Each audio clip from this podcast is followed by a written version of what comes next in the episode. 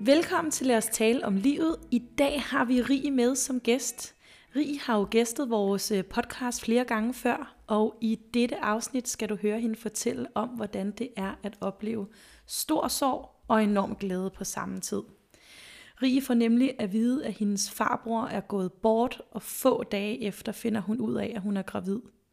Rie bliver derfor fanget i et limbo, hvor hun oplever at føle dårlig samvittighed over for både sin datter og sin farbror, når hun forsøger at navigere og balancere alle de modstridende følelser. Men hej, hej Rie, og velkommen tilbage, og tak fordi du vil komme og tale med os igen. Jamen øh, selv tak, det bliver spændende. Øhm, vi skal jo snakke lidt om det her med øh, den her skyldfølelse og dårlig samvittighed, man, du står med pludselig, ikke? Øh, hvor du står med glæden over din graviditet, men samtidig også sorgen over det her dødsfald. Mm. Og han dør pludseligt, lige pludselig. Øhm, kan du øh, sætte lidt flere ord på det? Ja, øh, vi er tilbage i 2021 om efteråret, øh, og min, øh, min fars lillebror, han øh, går bort en, øh, en mandag aften, og jeg får det at vide øh, tirsdag morgen. Øh, og øh, så klip til søndag i samme uge, der øh, finder jeg tilfældigt og heldigt ud af, at jeg er gravid. Øhm, ugen efter, øh, lørdagen efter, der øh, oplever min mand en meget voldsom oplevelse på hans arbejde. Han arbejdede øh, med meget sårbare unge, som havde nogle, har nogle handicaps. Øh, og der oplever han, at en af borgerne får et meget voldsomt krampeanfald, og min mand oplever det som, at borgeren øh, dør. Øhm, det gør han heldigvis ikke. Øhm, men jeg tror, at de tre episoder eller hændelser lige oven i hinanden har skabt en reaktion i ham og i mig selvfølgelig også. Øhm, så det var nogle virkelig, virkelig mærkelige uger lige der. Øhm, og jeg kan huske, da jeg står med graviditetstesten søndag eftermiddag, der var min mand og jeg faktisk på vej hjem til mine forældre og skulle spise middag. Øh, lige for sådan at mødes og snakke om min farbror og så videre. Øhm, og jeg stod og sådan, det var meget underligt. Jeg stod og, og smilede med den her test i hånden, fordi det var meget ønsket, at jeg skulle blive gravid. Øhm, det skete heldig uheld meget hurtigere, end vi havde øhm, forventet. Øhm, så jeg står med den her test i hånden, og der er bare på samme tid tusind tanker i mit hoved, og ingen tanker. Øhm, og jeg var egentlig rigtig meget i tvivl, om vi skulle til hjem til mine forældre den dag. Altså om vi kunne rumme begge dele. Altså at lige at fundet ud af, at jeg var gravid, samtidig med, at min familie stod i en kæmpe sorg og en kæmpe krise. Øhm, men vi beslutter, at vi tager dig hjem, og vi ikke siger noget, fordi igen, det er også selvfølgelig meget tidlig i graviditeten, og det, alt det med min med min farbror skulle ligesom være det, der fyldte, og det var jo det, der fyldte for os alle sammen. Øhm, så ja, jeg husker det mest bare som, at jeg egentlig bare lidt tænker, fuck, det er det helt forkerte tidspunkt, eller det skulle bare slet ikke være nu, jeg skulle være gravid, kan jeg huske, jeg i hvert fald tænkte lige der, fordi jeg kunne slet ikke forestille mig, at min krop kunne rumme at have alle slags følelser egentlig. Ja, man kan også sige, at det, det her dødsfald kommer jo også lidt ud af det blå. At han har ikke været igennem et længere sygdomsforløb øh, inden, hvor man måske er lidt mere klar på, altså et, et dødsfald kan ske. Øh, så det kommer jo også lidt som et chok for, for hele familien. Rigtig meget, ja. Øh, så man kan sige, jeg ved ikke, om, om, der, om det har været sådan en, en blanding mellem chok og, og glæde også. Altså hvordan man ligesom, ja, så står man med sådan meget to forskellige følelser lige pludselig. Altså det var sindssygt vildt. Altså at sige, min farbrors dødsfald var klart det største chok i mit, hele mit liv. Jeg har aldrig nogensinde, selvfølgelig ved jeg godt, at folk de går bort hver dag, men og jeg vidste også godt, at min familie, der er ældre end mig, også en dag skal gå bort, men jeg havde bare, det var slet ikke en del af min virkelighedsopfattelse, at, at han skulle gå bort. Han var sund og rask og glad, glad for livet, havde barn og barnebarn, øhm, og en skøn hustru og sådan noget. Øhm, og han fejlede ikke noget, han havde det godt, også sådan fysisk. Øhm, og mit indtryk var, at han, han havde det rigtig godt, var et godt sted i livet. Kan du huske, kan du huske hvilke følelser og tanker, der går igennem dig her, hvor du står med de her to meget forskellige følelser? Ja, øh, skyldfølelse virkelig meget. Altså, øh, over for hvem? Over for... Jamen, hver gang jeg tænkte på, mit, på min lille baby i maven, så, øh, så fik jeg samtidig sådan lidt, uh, kan jeg godt tillade mig at være glad for det her lille liv, når der lige er et andet liv, der er gået bort. Øhm, fordi det, det følte jeg ikke, jeg kunne. Øhm, og når jeg så tænkte på min, på min farbror og forsøgte at sørge over ham, så, så tænkte jeg også, jamen så fik jeg skyldfølelse over for babyen inde i min mave, og tænkte, men det, jeg kan ikke, altså, det var som om, der ikke var plads til begge dele i min krop, og jeg havde det, det altså, hans dødsfald sad sådan fysisk i min krop, for, altså forstået på den måde, at jeg, altså, jeg kunne nærmest mærke det helt ind i kroppen. Altså, øh, utilspas, og bare var, selvfølgelig var helt knust og ked af det, og, og, og så graviditeten er jo også noget, man kan mærke ind i kroppen, så det var som om, at der bare ikke var plads, og den, den det var som om, at min, føl, min, min krop bare ikke synes, der var plads til begge, begge følelser, egentlig. Øhm, Ja. Du nævner også, at der var, øh, at der var lidt, lidt skam over, eller du oplevede lidt at føle skam over at føle så stor en sorg over en, der ikke var øh, din allernærmeste familie, mm. søskende, forældre. Ja. Hvordan oplever du det? Ja, altså, det var jo et kæmpe chok for os alle sammen øh, i familien. Og som du siger, så, så havde jeg bare en, en følelse af, at, at jeg ikke kunne tillade mig at være så ked af det, som jeg var. Fordi at jeg var jo ikke en, der snakkede med ham hver dag. Øhm, så, så, så min fysiske reaktion, da jeg får at vide, at han er død, og efterfølgende, og også hvordan jeg havde det i forhold til skyldfølelse og sådan noget, det, øhm, jeg følte rigtig meget, at jeg havde svært ved at fortælle folk, at jeg synes, det var svært at være gravid, samtidig med, at, at han var, var død, fordi jeg frygtede, at folk ville sige, men altså, han var jo ikke din tætte familie, hvordan kunne du, altså, hvor, hvorfor kan det være så svært for dig? Var noget, jeg frygtede, folk ville sige. Men det, det var jo heldigvis aldrig noget, jeg hørte. Øhm, og, men jeg kan godt tænke, at min, min familie kan tænke det, fordi jeg jo ikke havde kontakt med ham hver dag. Men han var jo en, jeg tænkte på rigtig meget. Han fyldte rigtig meget. Han har, øhm, han har altid fyldt meget i min, min barndom. Han var den der øh, skønne farbror, lege, lege farbror. Øh, han boede hos mine forældre og jeg en periode, øhm, da han ikke havde noget sted at bo, da jeg var barn. Øhm, han har altid fyldt på en, på en god måde. Øh, har skønt grin og så videre. Øhm, Ja, og så, ja, så, øhm, så jeg, jeg tror, det var, ja, det kan i hvert fald godt bare føles mærkeligt at skulle fortælle andre, at, at den sorg, man oplever, og den glæde, man oplever, hmm, ikke, ikke kan samme eksistere, fordi, jamen, fordi det føles bare ikke berettiget, mm. altså. Ja. Man kan også sige, altså det her med, at øh, du jo på det her tidspunkt ved, at du er gravid, Øhm, det er jo ikke sikkert, at, at du havde fortalt det til din familie heller på det her tidspunkt. Så jeg ved ikke, om du stod alene sammen med din mand med de her øh, følelser i et stykke tid, før at du måske fortæller, at du er gravid.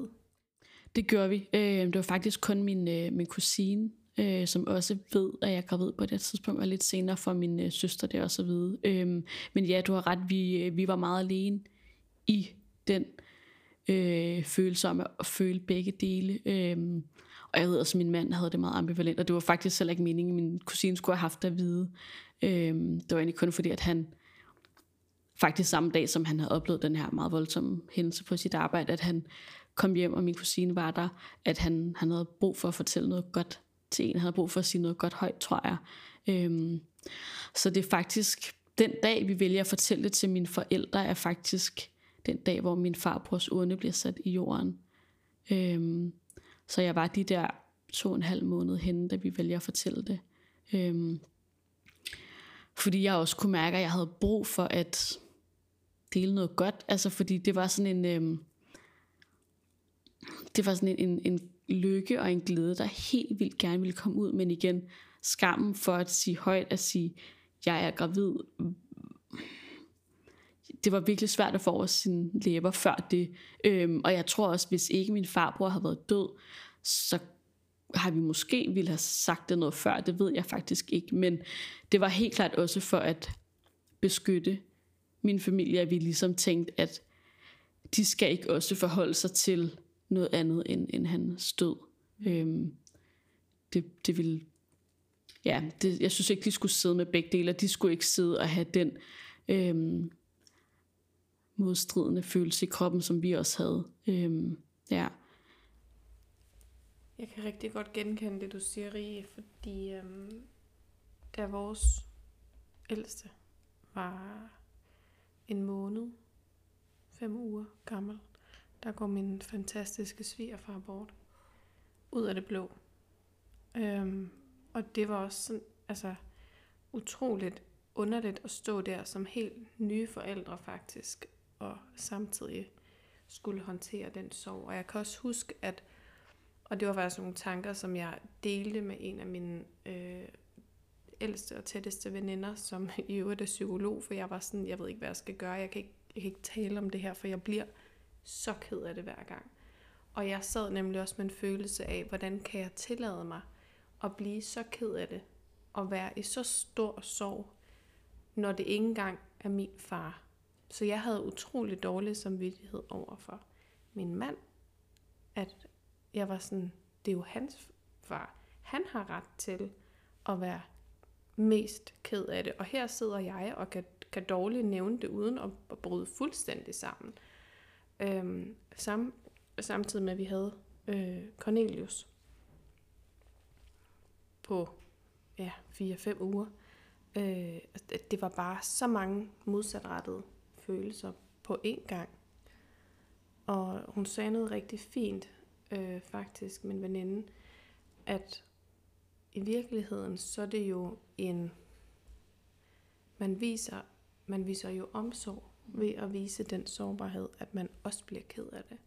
At der er plads til det, at vedkommende, man sørger over, også har haft stor betydning for en selv, og at den, man sørger med, mm.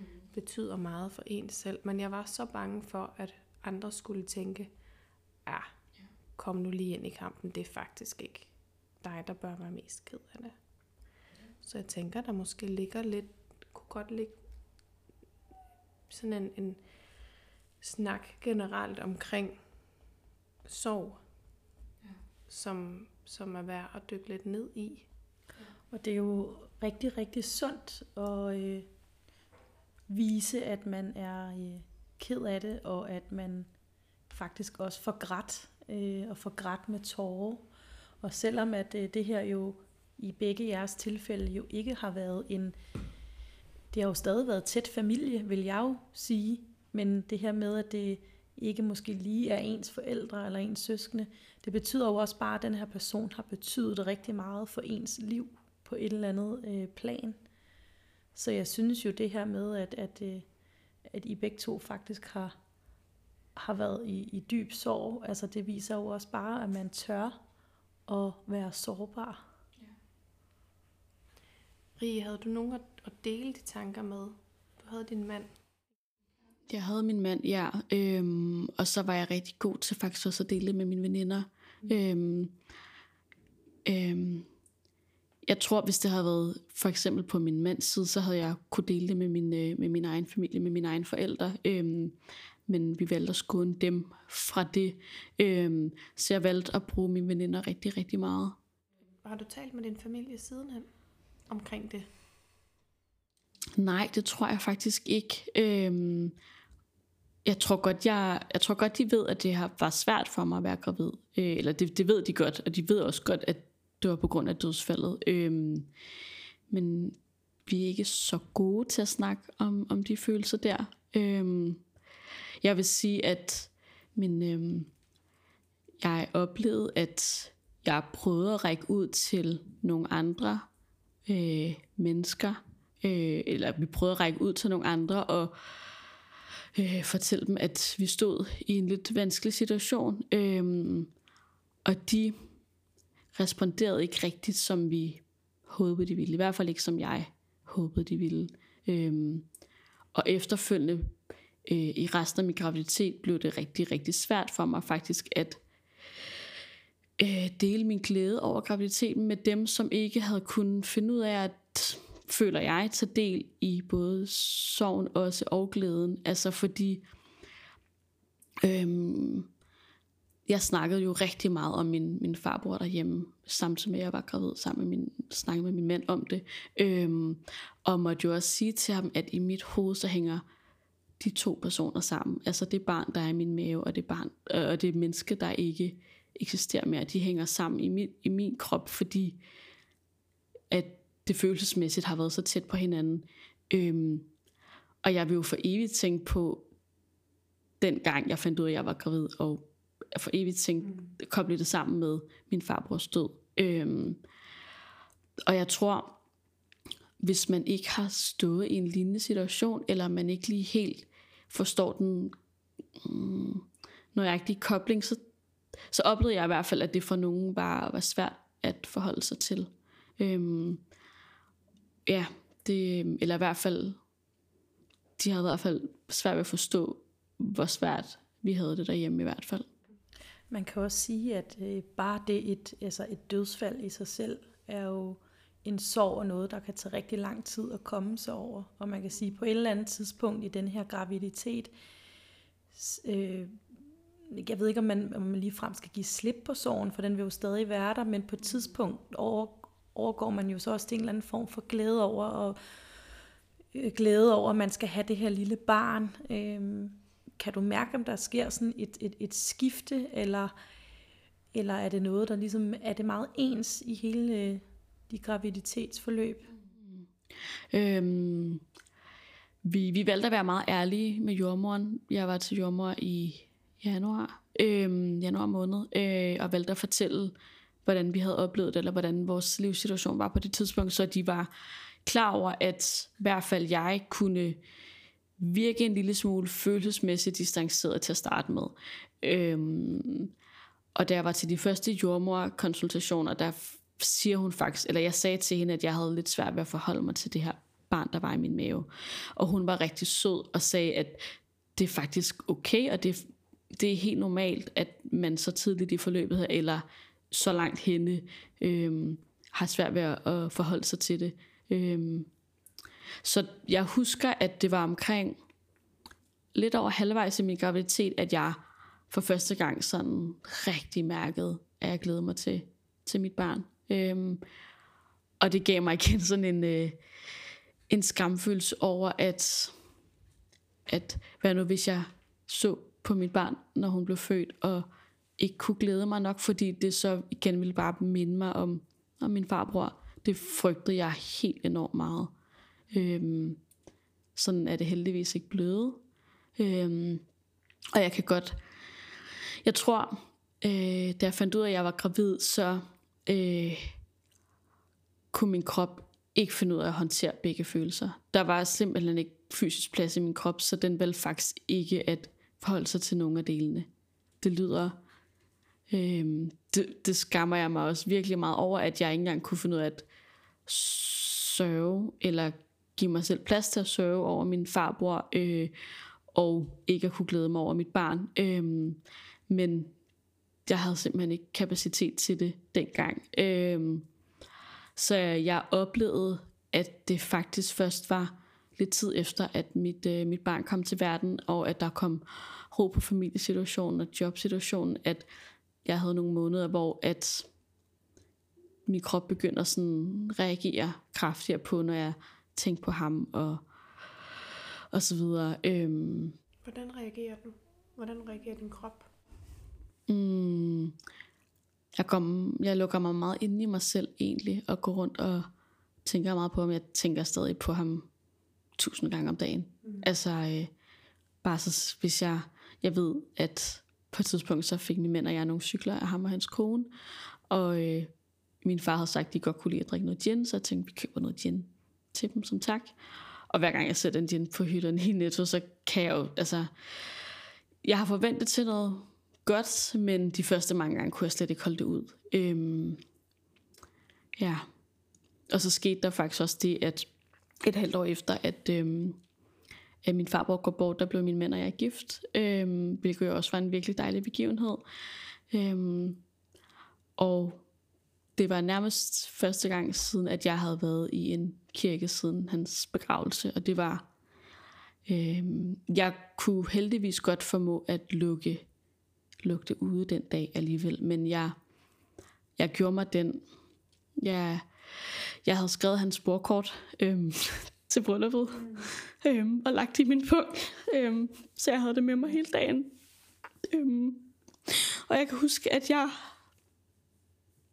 jeg, da vi skulle skrive invitationerne til brylluppet, så kunne jeg slet ikke, jeg kunne ikke skrive den, fordi at det ville jo kun være min tantes navn, der skulle stå på den. Øhm, og jeg kan huske, at jeg får min mand til at skrive navnet, og jeg giver hende invitationen, og jeg kan huske, at jeg siger til hende, at jeg tror på kuverten stod der faktisk ikke noget, for der, øh, der stod ikke hendes navn på heller. Jeg gav hende den bare og sagde til hende, at det havde været rigtig svært for mig at skrive den.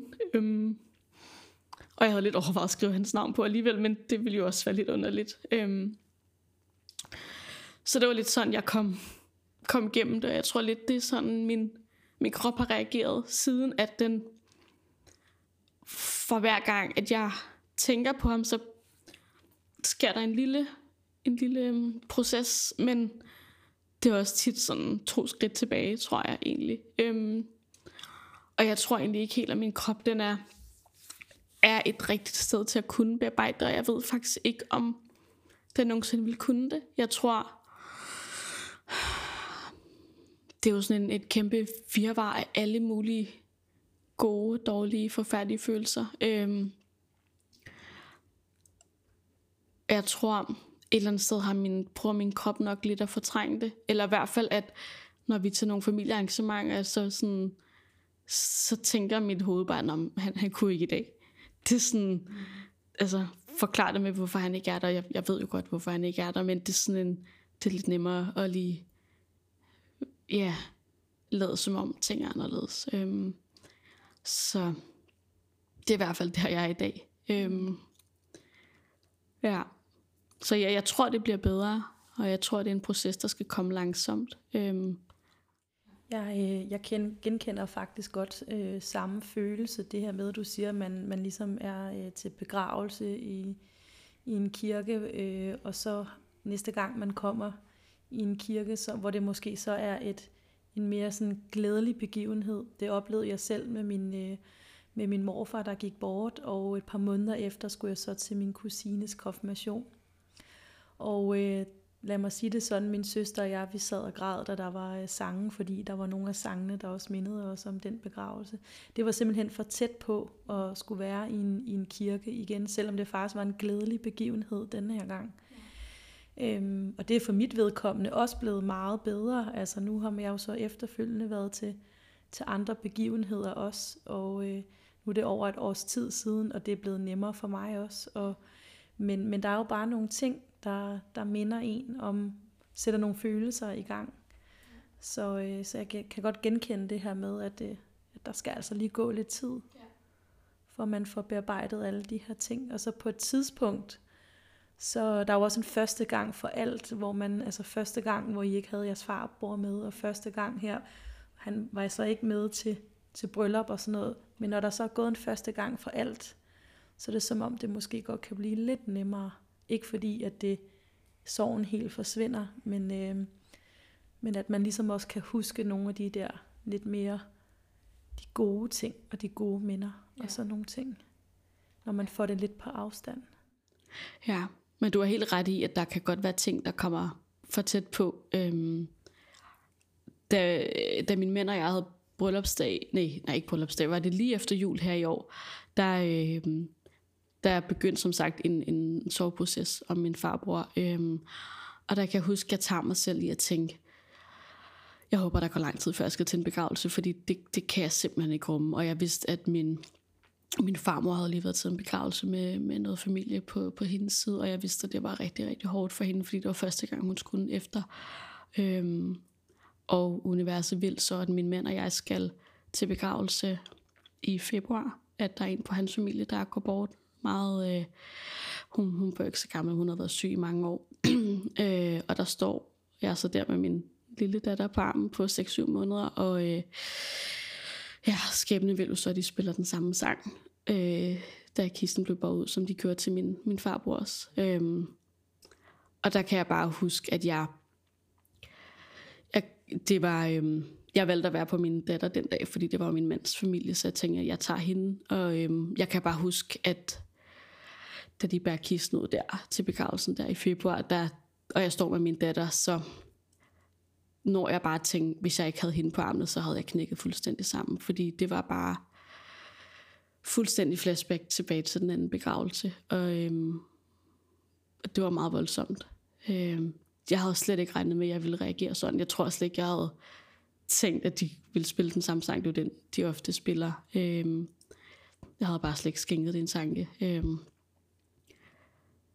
det var meget voldsomt.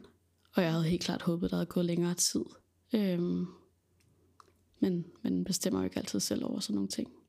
Nej, og, og man kan jo også sige, at tiden, øh, tiden hjælper jo meget ind i de her processer, om man, om man ved det eller ej, eller selvom det lyder lidt klichéagtigt. Øhm, så derfor er vi jo også lidt nysgerrige for, hvor du sådan er i dag med det. Nu fortæller du, at du din krop måske stadig ikke rigtig har bearbejdet det. Ja. Ja, det har den ikke. Øhm, jeg husker, jeg husker stadig at øhm, tænke på ham. Jeg tænker på ham hver dag, og jeg prøver så vidt muligt at tænke på de gode ting.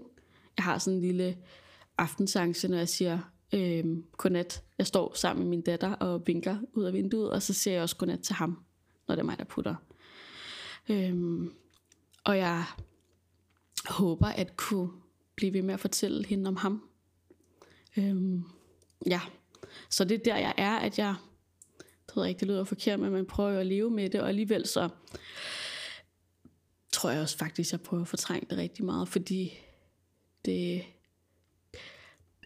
hvis jeg skal til at bearbejde sorgen, så skal jeg også tage indse, at han faktisk ikke findes. Og det tror jeg ikke, jeg har lyst til.